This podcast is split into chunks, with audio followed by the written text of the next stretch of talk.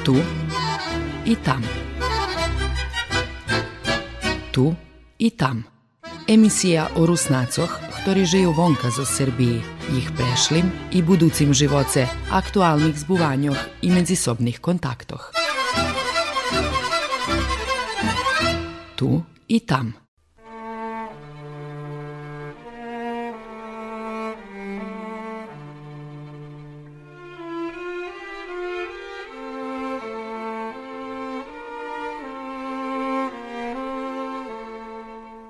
Dobri dzień, poczytowani słuchacze.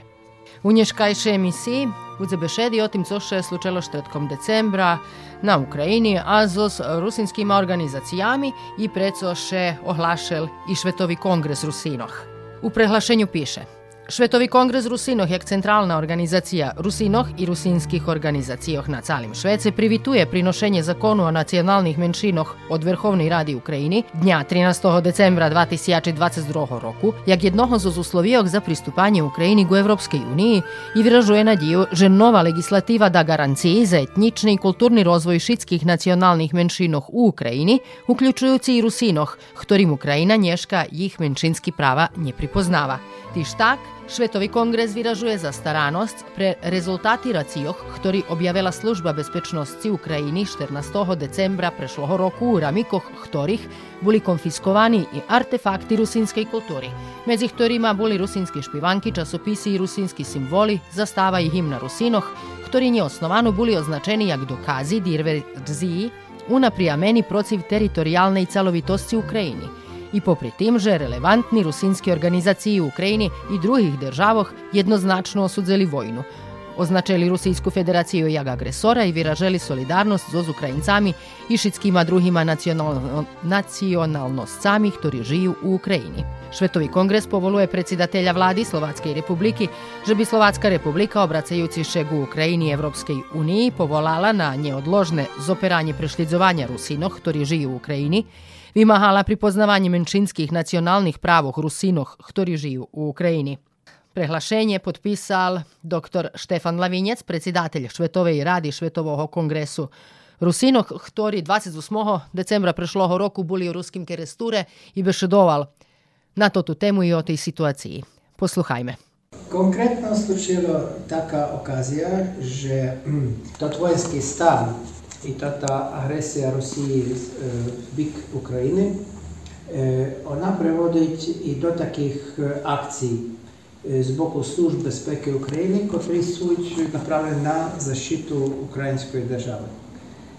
І в тих рамиках тих акцій сталася така е, е, реч, що були затримані е, такі особи, котрі при собі у тобі домі мали російську символіку, російське видання, і тобто не може бути причиною затримання особ з тих причин, що вони суть проросійські.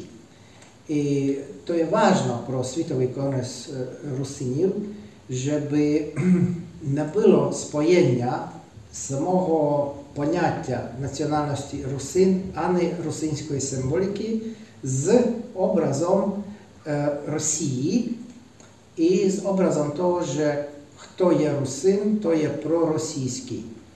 Точно так же, як і не може бути споєння русина з українцями. То є про нас така принципіальна реч за те, що Світовий конгрес русинів прийняв свій час символіку російську, котра є офіційно признана в всіх членських державах Світового конгресу русинів, як і в тих державах, котрі суть членами Європейської унії, і тих, котрі несуть чи іще несуть, так і у Сербії, так і в Америці і в Канаді, то ті символи суть признаті. І не може бути ніякі переслідування і ніякі екзекуції поза того, що чоловік сповідає свою національність і тримать свої символи у себе вдома. Зато то була така реакція. Зато то було нам дуже чудно, що Світовий конгрес видав два виголошення. Перше совпало ще з самим початком воїнських дій на Україні. Ми осудили воєнську агресію Росії проти України і призвали, щоб Україна дотримала тоді права, котрі суть підписані Україною в межах в рамках рамкової конвенції про національні меншини. З часом, коли Україна подала прощення до вступу у Європейську Унію, ми видали іще одне виглашення, в котрі ми підпоруємо чим скорший процес прийняття України, і ми наснажимося надавати допомогу українській державі в сенсі того, що як має Україна дотримати людські права національних меншин, особливо русинів, що не має їх признати, і зараз таки в межах в рамках рамкової конвенції про національні меншини, то є одно, а друге, що русини, котрі живуть на Україні, вони йдуть у військо і воюють за державу Україну. І то як мінімум, що за таке дійство має держава признати то, то ту волю, то ту наснагу русинів, котрі живуть в Україні, що вони хочуть бути признаними русинами. Ми маємо базу даних з початку 90-91 років тих русинських організацій, котрі суть зареєстровані в Україні з тими просьбами до влади України, до Верховної Ради України, щоб вони були признані як русини, як одільна національність, щоб був признаний русинський язик, щоб при списуванні населення людей була одільна графа національність русин. І ми маємо тут базу даних, точно так же, як і має Служба безпеки України. То ті, то ті письма і то ті відповіді, ми цю базу даних, як доказ того, що то є 30-річне жадання русинів, передаємо тепер у, до Світової до Ради Європи, до Ради Європейської Унії, щоб вони мали доказ того, що є така воля, є такий народ, і щоб Україна в процесі вступу в Європейську Унію дала волю і дала права русинам, щоб вони основали і були таким народом, такою національною машиною, як вони суть у Чехії, Словакії, Мадярщині, Сербії, Хорватії, Польщі, Румунії, Америці.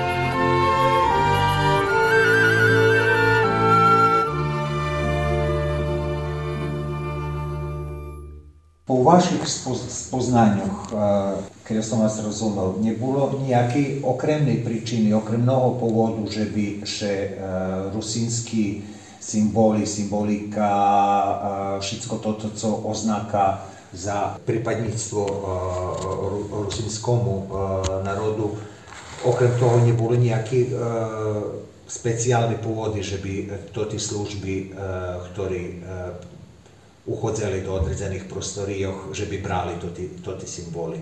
Ja ne znam detalji i toto detalji mає знати Служба безпеки України.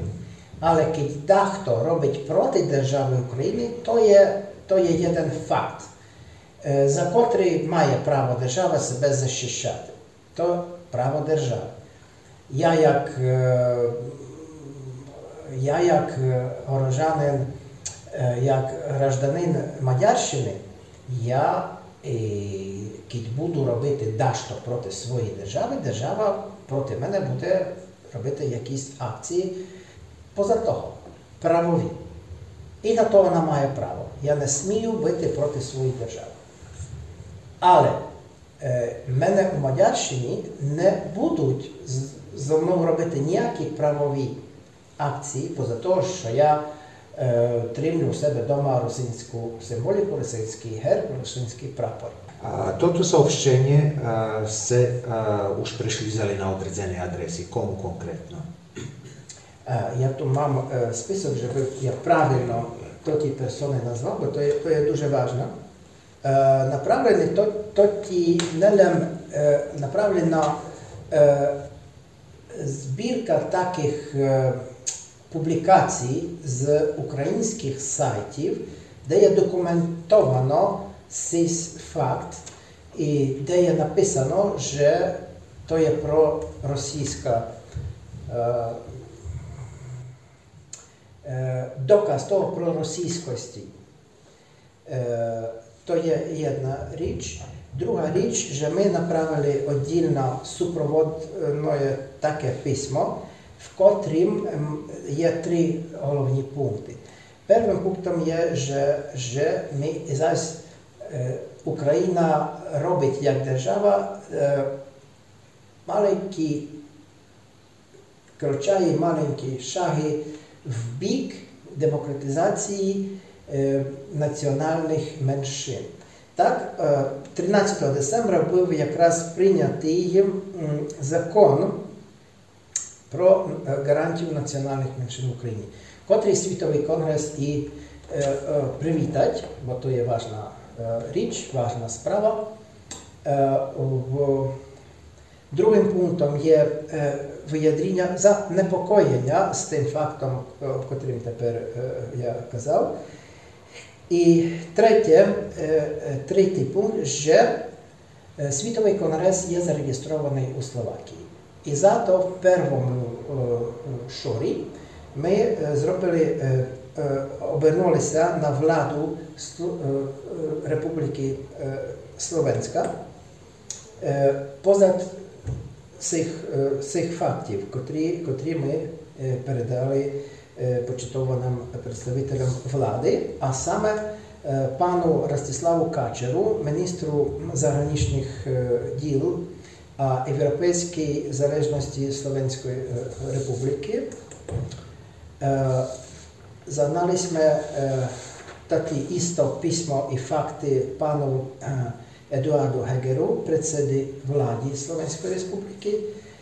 Zagnaliśmy takie same pisma i dokazy pani Czystowani pani Zuzani Czeputowi, prezydentki Słoweńskiej Republiki. I zagnali всі, всі письма і докази пані Урсули фон дер Ляйн, представнички Європейської комісії. Хочу ще одну важну ważny fakt opowiasty, że ja jak już восьмий рік скоро буду, як я єм председу Світового конгресу русинів. І е, за ці роки, і я знав, що і за спередущі каденції других председ, Світовий конгрес русинів не мав ніяких діл із Службою безпеки України, що ся тиче акцій проти української держави. Ми не маємо ніяких цілей сепарації, автономії і так далі. Ми маємо одну ціль, щоб русини, які живуть на Україні, мали такі істі права і були признаті як русини, не як українці, не як росіяни, не як не знаю кого іще, але як русини, як вони суть признані в других демократичних державах. І і до кінця я мам відповідь від Академії наук України, де вони оперують такими даними, котрі суті з часів комуністичної епохи, що русини то не суть українці, а русини то, то суть українці, а не суть одільним народом. І тут тепер є такий парадокс, що Україна вступає у Європейську унію, де русини суть признаті як одільна національна меншина своїм язиком, з варіантами свого язика, з ошколовуванням, з мас-медіями, так як, наприклад, я вам тут тепер можу давати інтерв'ю. І, і у сербської держави, і у мадярської держави з тим ніяких проблем не є.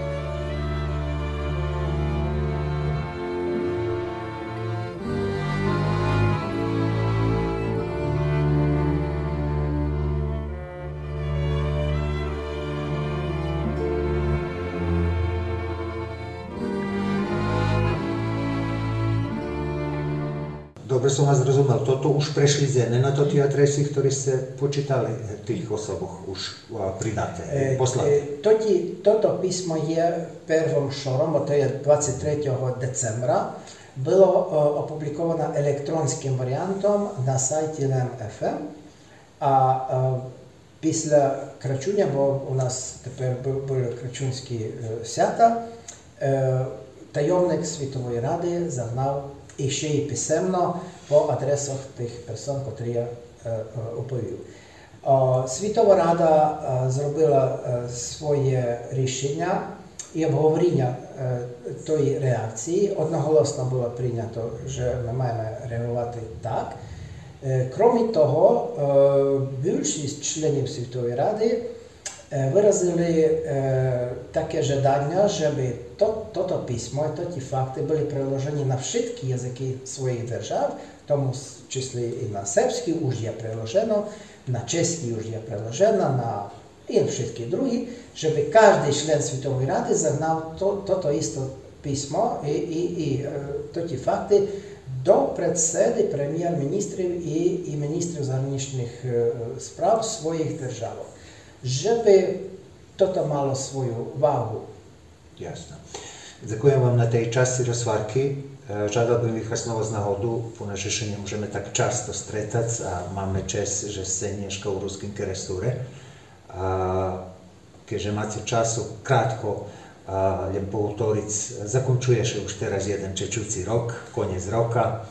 A predpostavím, že toto, co bolo zaplánované, že z väčšej časti porobené, možete vi nejakú krátku rekapituláciu napraviť i jakie plány za novi, poneže už nie od dní počína новий 2023 no, rok. Новий рок то є дуже важний про нас, і про вас, і про нас всіх руснаків, бо слідуючий світовий конгрес буде якраз у Сербії, і, і організатором того конгресу буде руська матка, яка взяла на себе toto organizaciju i obawiązek, że ona to, to i tak się widać, że już дуже mnogi, mnogi e, e, ważni dochwarki już ruska matka zrobiła, co się tyczy datuma, co się tyczy miejsca i drugich detali проведення Світового конгресу. To je, to je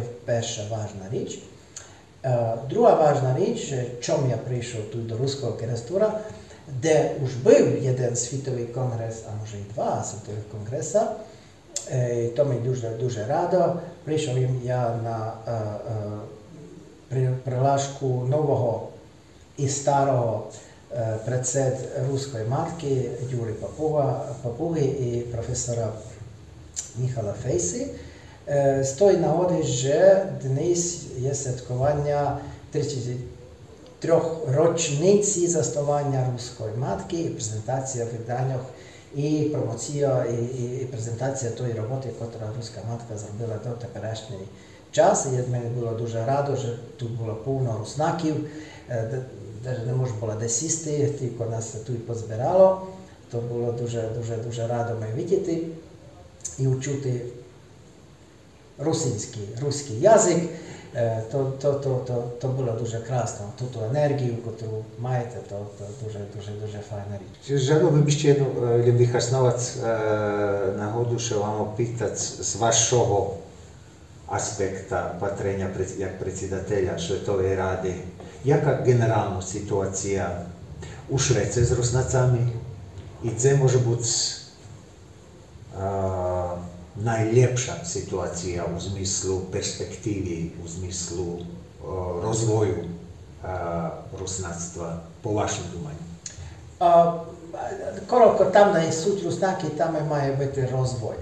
Не позираючи на тяжкості. Тяжкості принесла війна із собою.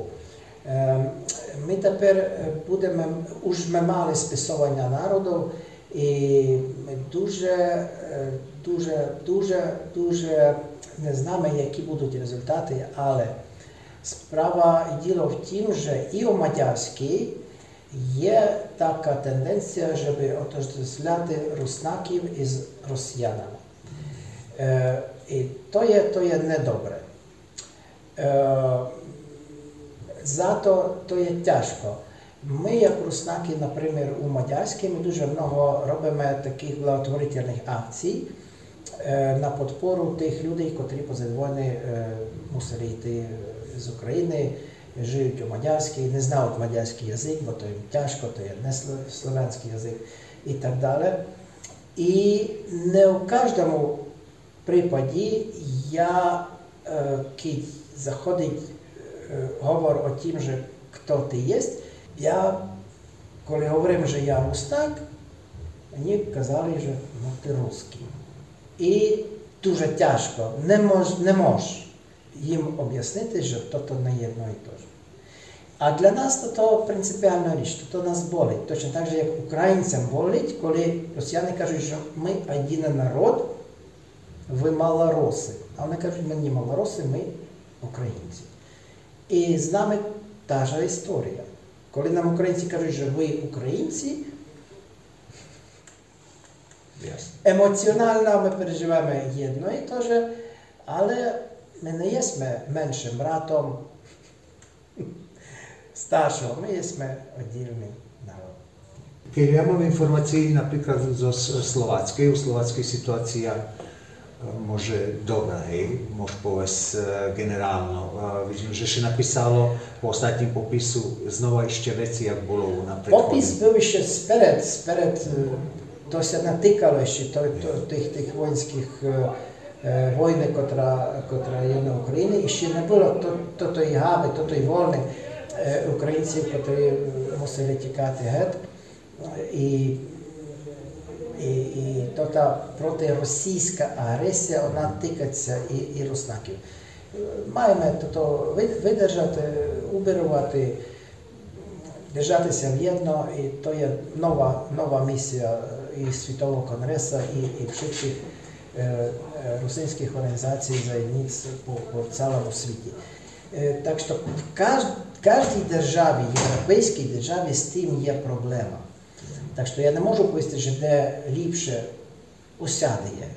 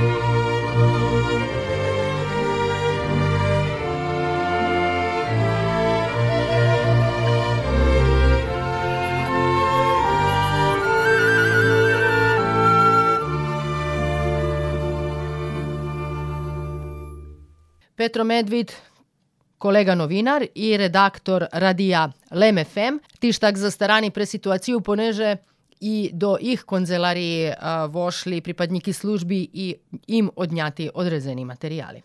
Oni tam robili takýko hodinov raziu, neznám, skončili o druhý popoludne alebo tak ako a začínali skoro ráno. Prosto išli za noči, začínali. Uh, to značiť, uh, smotreli, hľadali nejakú prorosejskú diverziu, prorosejské propagandističné materiály a tak ďalšie. Interesné je, že vlastne, že oni nič takého nenašli u Chrestovo v ženském sobori a toto, čo našli, tak a hlavno toto, čo vystavili oni pod tým publično na Facebook i tak ďalšie, tak boli rusenský flag, rusenská hymna, CD so spívankami rusenského spívaka Vladislava Sevoho od nás i Slováky, boli tam materiály LMFM, tam nebolo niečo takého, čo by bolo prosto što by bolo nejaké prorosejské, separatističné, neznám aké, ale samo sobou, že opublikovali to takým spôsobom, že nenašli rusenský flag, ale našli separatističný flag Republika Pitkarpatská Rus, čo nie je pravda, i tak ďalšie, i tak ďalšie. E, ako človek kreslili, že e, rusenský flag nikdy nebol prijatý flag nejakej republiky, ale bol prijatý Svitovom kongresom Rusení v 27. roci, jak národný flag, jak národný flag. E, Romové tak samo majú svoj flag a nikto ich ne, nepidozrievať z toho, že e, keď ho že idú vo Šatidajku republiku. To znači, to, to nebola pravda, što pesali. To, že našli slova, notáciu ku hymni podkarpatské Rusene ostavte hluboký son na slova Duchnoviča. Pravdou je, že Svitový kongres Ruseniu prejav vručanie od Duchnoviča, ne podkarpatské Rusene, ale paralelno s tou hymnou, ktorá bola prijatá Svitovom kongresu. Na Pitkarpate hostnuje sa i hymna Pitkar, Pitkarpatského Rusiniu. Uh, tota hymna bola schválená i za Čekoslovácku republiku, že pre veľkých sviatách mohla sa hosnovať kolo Českoj i Slováckoj hymna na Pitkarpatský Rusi, to po perše. A po druhé, oblastná rada Zakarpatskej oblasti tak samo preňala v 2000 rokách, že tota hymna podkarpatskej Rusene je hymnou Zakarpatskej oblasti. To znači, tam nebolo žiadneho separatizmu, uh, lenže uh, spekulatívno, rafinovano to podali, služba bezpeky Ukrajina to podala tak, že by zbudila prosto takú nenávisť k Rusenám, že by nás označila znova za takých separatistov, za takého, kto škodiť, alebo chce škodiť Ukrajine. No samo sobou, že uh, toto je dlhodobé, uh, že hlavnou ukrajinskou médií se pešli do nejakých Rusanách ako separatistách. Mnoho raz sme sa vklokovali. Dokonca predstaviteľi amerických Rusenov boli v kongrese Spojených štátov. Žadali tam prosto, bo, bo toto obveňovanie nás zo separatizmu, napríklad robiť i Radio Sloboda, ktoré je financované americkým kongresom. Za to sme žadali prosto, že by, že by v takom tónom o nás neinformovali, bo to nie je pravda. A, a toto, čo prochodí teper, je bar smutné, bo všetko rusenské, relevantné rusenské organizácie usvieti nielen na Ukrajine, ale aj v ďalších európskych krajinách, v Severnej Americi. Sme tako z 24. februára odsudili vojnu, jasno sme povili, kto je agresor a kto sa len boroneť. Vyrazili sme solidárnosť nielen s Ukrajincami, so všetkými národami, ktorí žijú na Ukrajine. A dokonca sme robili humanitárne akcie, zbierk, aukcion, pomáhali sme a i pomáhame do teper mnoho organizácií pomáhajú. Za to, toto je bar smutné, že, že i Svetový kongres Rusenie vlastne prejav ohološenia ku vojni, odsudil to tú vojnu a je bar smutné, že vlastne, že nám sa to verta takým spôsobom, že namiesto toho, že by pereocenili, že by v Kievi pereocenili, že preznatí nám práva koneční, bo sme lojálne hraždané v každej državi i na Ukrajini, tak namiesto toho z nás znova robiať separatisti a teper rukami državného orgánu, znači službu bezpeky Ukrajiny.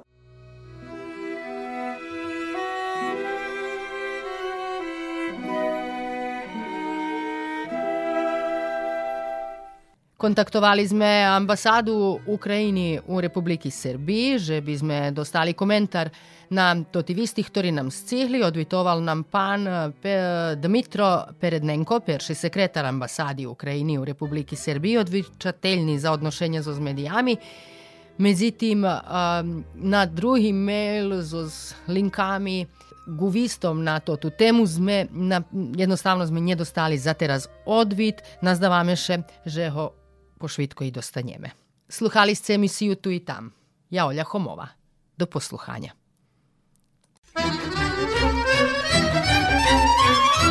Tu i tam. Tu i tam.